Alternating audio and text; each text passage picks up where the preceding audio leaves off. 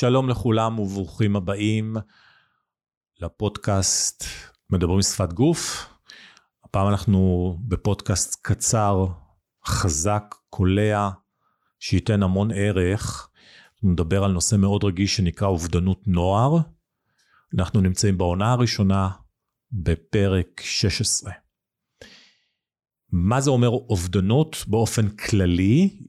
בעולם מעריכים שאנשים, שכמיליון איש שמים קץ לחייהם מדי שנה. מיליון איש. מספר מטורף. בארץ מעריכים שזה נע בסביבות ה-400 איש בשנה. זאת אומרת, 400 איש בשנה מתאבדים. הסיבות לכך שאנשים מתאבדים, זה יכול להיות מחרמות, הצקות של אנשים אחרים, זה יכול להיות מהתעללות או פגיעות מיניות של אנשים אחרים, ואז האדם, הקורבן מתאבד. אה, גברים אה, גרושים שנופלים תחת עול המזונות, זה דבר שלא מדברים עליהם, מדברים על זה בכלל, מתאבדים בארץ. אני מדבר כרגע רק על הארץ. עכשיו תחשבו, בסביבות 400 איש כל שנה. כמה אנשים מתים בתאונות דרכים אתם חושבים? נכון, בסביבות ה-320, 300, 350, ואם זה מגיע ל-350, אז בכלל כל המדינה סוערת, וצריך לעשות משהו כנגד, וצריך, וועדות, אבל אף אחד לא מדבר על השיעור המתאבדים בארץ. זה שיעור מטורף. עכשיו, זה שיעור האנשים שמצליחים להתאבד. אתם יודעים כמה ניסיונות יש? ניסיונות יש פי עשרות מונים, מעריכים שיש כעשרת אלפים ניסיונות התאבדות בארץ. עכשיו, זה רק המספרים הרשמיים, גם 400 זה סימנים, זה מספרים רשמיים. לדעתי זה יותר גבוה, ו- ו- ו- אבל בסיבת המוות, באופן רשמי, יש כעד עד סביבות 400. ולא מטפלים בזה. עכשיו, אני רוצה לדבר על אובדנות נוער, כי אובדנות נוער זה משהו שיש סימנים אה, אה, ברורים, כמובן גם לסוגי התאבדות אחרים, אבל באובדנות נוער אני, ההורים, אני פונה בעצם בפודקאסט הזה להורים, ואני רוצה שכהורים תשימו לב אה, לילדים. עכשיו, זה לא אומר שאתם הורים גרועים, אם אתם מזהים את הסימנים שנדבר עליהם, כי יכול להיות, כמו שאמרנו, שזה קשור לחרמות שעושים, זה, זה קרה, זה, זה קרה, זה קורה, ולצערי זה גם יקרה. אבל אני רוצה עד כמה שיותר לעזור למנוע את זה, ועוד פעם, אני לא רופא, לא פסיכיאטר, לא פסיכולוג, אני בא מתחום השפת גוף וההתנהגות, ולהראות שיש סימנים שנורא קל לראות אותם. אז אנחנו נדבר גם, על הסימ... נדבר גם על הסימנים. באופן כללי, אנשים בוגרים מתאבדים כי הם חווים, כמו שאמרנו, טראומות או ילדות קשה, ו... אמ, ואורח חיים שהוא עם סמים ו... ואלכוהול, אה, או בעיות נפשיות, וזה יכול לגרום ל... להתאבדויות כמו מניה דיפרסיה וסכיזופרניה. זה מקום, אנשים שיותר מועדים ל, ל, להתאבדויות. עכשיו, מה עשו בצבא, למשל, כדי להוריד את אחוז המתאבדים? והם הצליחו את זה לפני כעשר שנים, הם פשוט מראש לא גייסו את מי שמועד לפורענות. זאת אומרת, למי שיש בעיות נפשיות שאנחנו יודעים שכמו שדיברתי, בעיות נפשיות, אה, האחוז, אה, אה, אחוז גבוה של מתאבדים בעקבות כך, אז הם פשוט לא גייסו אותם מראש, וככה הם השאירו אותם באזרחות, לא גייסו אותם ופתרו את הבעיה שהאחוז המתאבדים הזה לא נרשם כ, כחיילים. עכשיו, כשאני אדבר על נוער, אז זה בעצם גם יהיה נוער וחיילים. אה, למה בן אדם בעצם מגיע בסופו של דבר, שהוא אומר די נמאס לי לחיות ואני רוצה להתאבד, אז הרבה פעמים זה, זה, זה כמובן מתפ... עניין של תפיסה. התפיסה היא, אני, אה, אני בודד בעולם, אין אף אחד שיעזור לי. עכשיו זה, זה ברוב הפעמים זו תפיסה שגויה, כי יש מי שיעזור. אם אתם מרגישים, הפודקאסט הזה מאוד חשוב לי שתעבירו אותו הלאה להורים שאו מתמודדים עם דברים כאלו, או שפשוט לעזור להורים. אם אתם מרגישים שיש כזאת בעיה אצלכם ואתם מזהים אחד מהסימנים, אז מיד להרים טלפון למישהו שיכול לעזור, למשל לערן, עזרה נפשית, אה, טלפון 1201, תזכרו, 1201, אני גם ארשום לכם. אז תפיסה שאדם הוא לבד בעולם, אה, תחושה למשל שאותו אדם מהווה איזשהו נטל על האחר, אז זה יכול להביא אותו ל, ל, למצב שהוא אומר, אני מעדיף, ל, ל, אני מעדיף להתאבד. אה, היעדר פחד ממוות. יש הרבה אנשים שאמרו, הייתי מתאבד אם לא הייתי מפחד מהמוות. אבל יש כאלה שאומרים שאני מתאבד, אני לא מפחד מהמוות.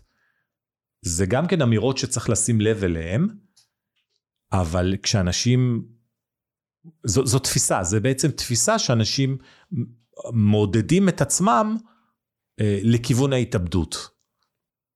אז מחלות נפש, אני ארכז לכם את זה רגע, מחלות נפש שהן אה, מעריכים שהם, ש-90% מהאנשים שמנסים להתאבד או התאבדו לוקים בהפרעה נפשית אחת או יותר, או דיכאון החמור, או הפרעה דו-קוטבית, או שזה מניה דיפרסיה, או סכיזופרניה, או אנורקסיה למשל, או הפרעות אישיות גבוליות, חוסר יציבות רגשית, אה, שיבושים בדפוסי חשיבה, בהתנהגות חסרת מעצורים, בהערכה, על פי הערכות, אה, הם יותר מועדים לשים קץ לחייהם. עכשיו אני לא אדבר על הדברים האלה, אני רק אמרתי לכם, אני רוצה לדבר דווקא על האנשים שאין להם את התופעות, על נוער או חיילים שאין את התופעות האלו, ואיך אנחנו מצליחים להתמודד עם זה. הרבה פעמים אנשים שמתאבדים ולא מצליחים, למשל אה, פתאום תופסים את החיים כאחרת. זה פתאום במרכאות עובר להם.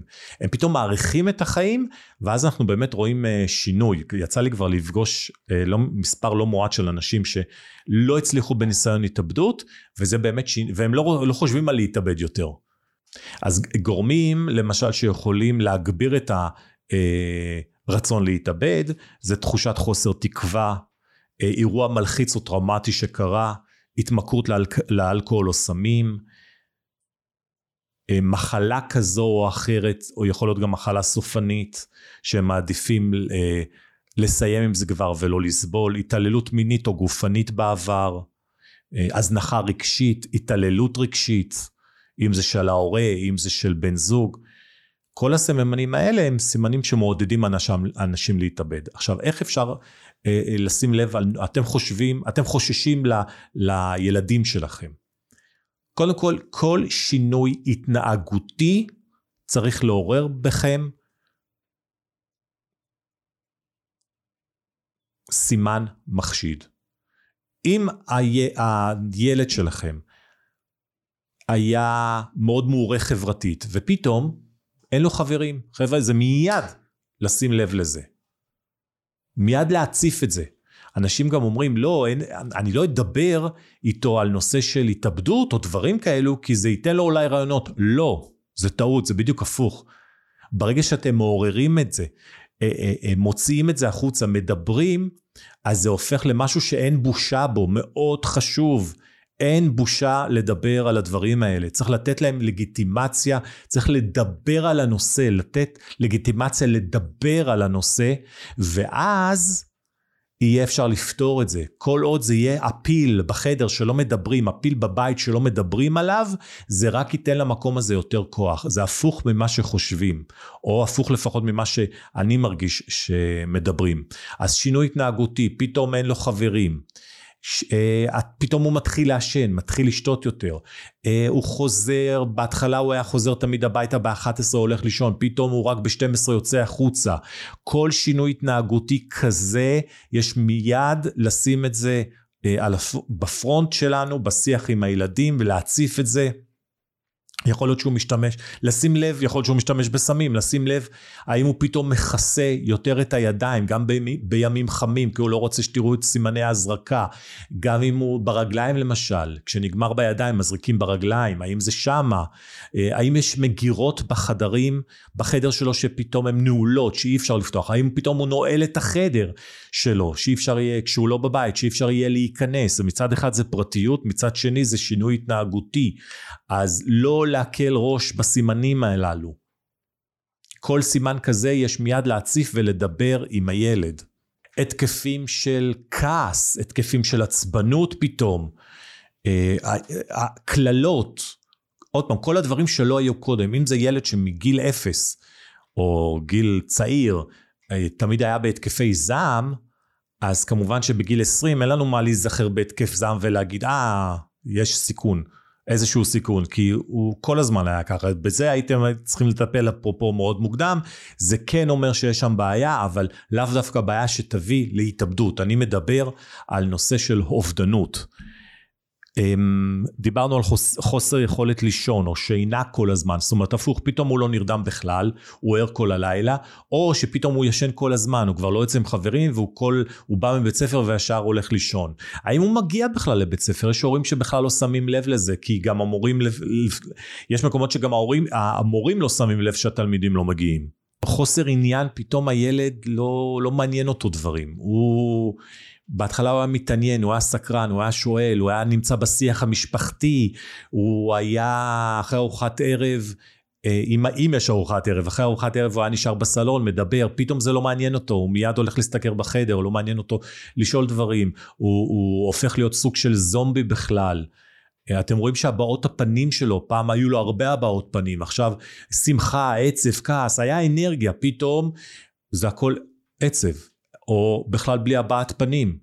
כאילו אין טונוס שרירים בפנים בכלל. אם אתם רואים שההליכה שלו השתנתה, שהוא סוחב את הרגליים, שפתאום אין אנרגיה, כל השינויים האלה הם שינויים שמיד אה, אה, אה, הם סימני אזהרה שיכולים להצביע על מצב נפשי לא טוב, שיכול להוביל להתאבדות. כמובן אני מחפש שלא יהיה רק שינוי אחד. לא על כל שינוי זה אה, מנגנון האזעקה שלנו אה, משמיע אה, אזעקה עולה ויורדת. כמובן שעל כל כזה דבר יש לדבר, אבל כשיש לפחות שלושה מבחינתי, שלושה אלמנטים, שלושה קריטריונים, זה כבר איתות חזק מדי. חוסר עניין גם בטיפוח אישי. פתאום הוא כבר לא מתקלח, אה, הוא לא מתגלח, אם הוא יתגלח, אה, אם יש לו זקן, הוא היה מטפח את הזקן, עכשיו גם זה לא אכפת לו. אה, מילד שהתקלח שלוש פעמים ביום, לא מתקלח בכלל, או מפעם אחת ביום, זה בסדר, אבל לא מתקלח בכלל. או הפוך, שמזה שהוא לא התקלח, עכשיו הוא מתקלח שלוש פעמים ביום. יכול להיות שהוא אה, אה, היה קורבן לפגיעות מינית והוא מנקה מעצמו את הבושה הזאת יותר מדי פעמים. פתאום מילים שהוא אומר, אה, אני לא רואה יציאה מהמצב, אני, אני מרגיש שדוחקים בי. אה, מלל חזק כזה שאתה מרג... ש, שאנשים, יג... שההורה יכול להגיד לו, אז צא מזה, עזוב. לא, אל תגידו לו לצאת מזה. אם הוא מרגיש מלל קשה, שהוא אומר, דוחקים אותי לפינה, זה מלל נורא. זה אחת האינדיקציות הלא טובות. אני מרגיש קשה בלימודים, אני מרגיש לא רצוי, אה, אני מרגיש שהמורות מתעלמות ממני, על כל מלל כזה, מיד לשבת ולטבל. אתם מבינים כהורים כמה אנחנו צריכים להיות רגישים גם לשינוי בשפת הגוף שלו. פתאום מאנרגטיות לחוסר אנרגטיות. מהמלל, לבדוק את המלל, אם המלל קשה, אם האמירות הן אה, אמירות קשות, כוללניות מדי. אה, הבעות הפנים, אם הבעות הפנים הן חסרות אנרגיה, או טונוס, או, או יכול להיות קיצוני לצד השני, מילד רגוע הפך להיות במרכאות לילד מופרע, שזורק דברים, שלוקח לכם את האוטו בלי רשות, פתאום הפך להיות חסר חינוך, ואתם אומרים, זה לא מתאים בבית שלנו. כל הדברים האלה הם אינדיקציות, סימני אזהרה לנוער שנמצא בסיכון אה, להתאבדות, כמובן בכמה, עוד פעם, זה, אני יודע שהמילים שאני אומר, הן מילים נורא קשות, אבל אני מעדיף שתהיו באובר, מאשר שתהיו במקום שתחליקו את זה, כי תגידו לא נורא, לא נורא, הרבה פעמים אני שומע הורה אומר להורה השני, אה, לא נורא, זה יעבור לו. לא, זה לא יעבור לו, יש לטפל בזה. אז לסיום הפודקאסט הזה, הדבר המרכזי לשים לב זה שינוי התנהגותי במלל, בשפת גוף, בטון הדברים, אם פתאום טון הדברים שלו הפך להיות, הוא מתחיל ללחוש דברים כלומר, הוא לא רוצה שישמעו אותו, או הופך להיות אגרסיבי ומתחיל לצעוק. כל שינוי שלא היה קודם, או להפך, אתם שומעים את הפודקאסט הזה ואתם אומרים, רגע, לפני שנה זה השתנה, אז, אז, אז מבחינתי זה זמן שינוי שיכול להיות, שהוא זמן שינוי סביר, שמבחינתי הוא נקרא זמן של הווה. אם זה חמש שנים זה משהו אחר, אבל אם ראיתם את השינוי בשנה האחרונה, זה לגמרי להגיד שאני ראיתי את השינוי עכשיו. ולשבת ולדבר עם, ה, עם, ה, או, עם הילד, אה, גם אם זה בצבא. פתאום הצבא שינה את ההתנהגות שלו. עד הצבא אתם יכולים להגיד, וואי, הילד היה חברותי, אה, הילד אה, אכל, פתאום הוא הפך להיות ילד אחר. האמירה הזאת הפך להיות ילד אחר, זו אמירה שמעוררת מיד חשד. גם הנושא של אכילה למשל, פתאום הילד אוכל הרבה, או לא אוכל בכלל. זה שינוי דרסטי. למה יש את השינוי הזה?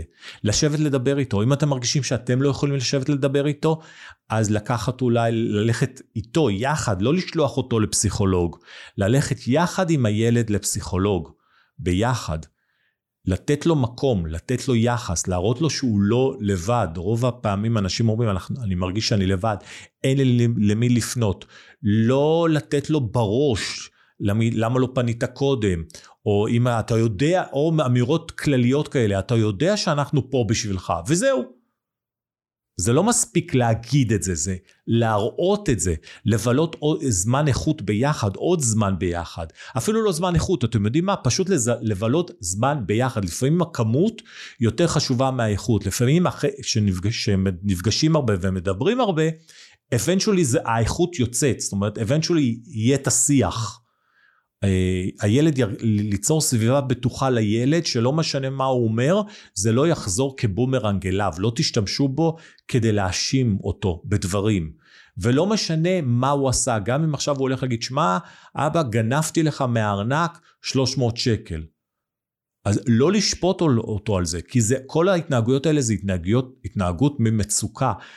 כל הזמן להגיד, אני מבין, אני מבין שקשה, אני מקבל את הקושי שלך, אני, מק, אני רואה שקשה לך, אני פה בשביל לעזור לך, תגיד לי איך אני יכול לעזור לך. לא להגיד לו, אני אעזור לך, אני אעשה ככה וככה, לא. כי, כי הפתרון נמצא אצלו, לתת לו את הכוח לילד שהפתרון אצלו, ולשאול אותו איך אני יכול לעזור לך. ואם הוא אומר, אני לא אבא, אני לא יודע איך, אז אפשר להציע פתרונות. ולשאול אותו, האם אני יכול להציע פתרונות? ברגע שאתה מקבל את הכן ממנו, עכשיו אתה יכול רק לתת לו את הפתרונות. ואתם תראו שהשיח יעבור, יהיה אחר לגמרי, ובמקומות מסוימים אני בטוח שאפשר יהיה להוציא, להציל את הנוער. כי נוער שמנסה להתאבד ולא מצליח, אחרי זה אומר, אני שמח שלא הצלחתי. אפשר להציל את הילדים שלנו. ואנחנו נמצאים במקום שהשיח באמת הפך להיות הרבה יותר קשה, כי אה, יש את כל נושא החרמות, והיום פחות נפגשים אז יותר מקלידים במקלדת ובוואטסאפים ויותר קל לעבור, להעביר ביקורת ולהגיד דברים יותר קשים כי אנחנו פחות רואים את האינטראקציה של הבן אדם מולנו וכמה הוא נפגע בזה ולכן זה המקום שלנו של הורים להיות יותר אחראים על הילדים שלנו ויותר אה, להיות עם עין בוחנת וגם עוקבת. אה, זה לסיום הדברים, אני אשמח שתעבירו את הפודקאסט למי שאתם חושבים את הפרק הזה שיכול להפיק ממנו תועלת. תודה רבה לכם על הצפייה, אנחנו נתראה בפודקאסט הבא. בואו ונציל חיים ביחד. שקוייך.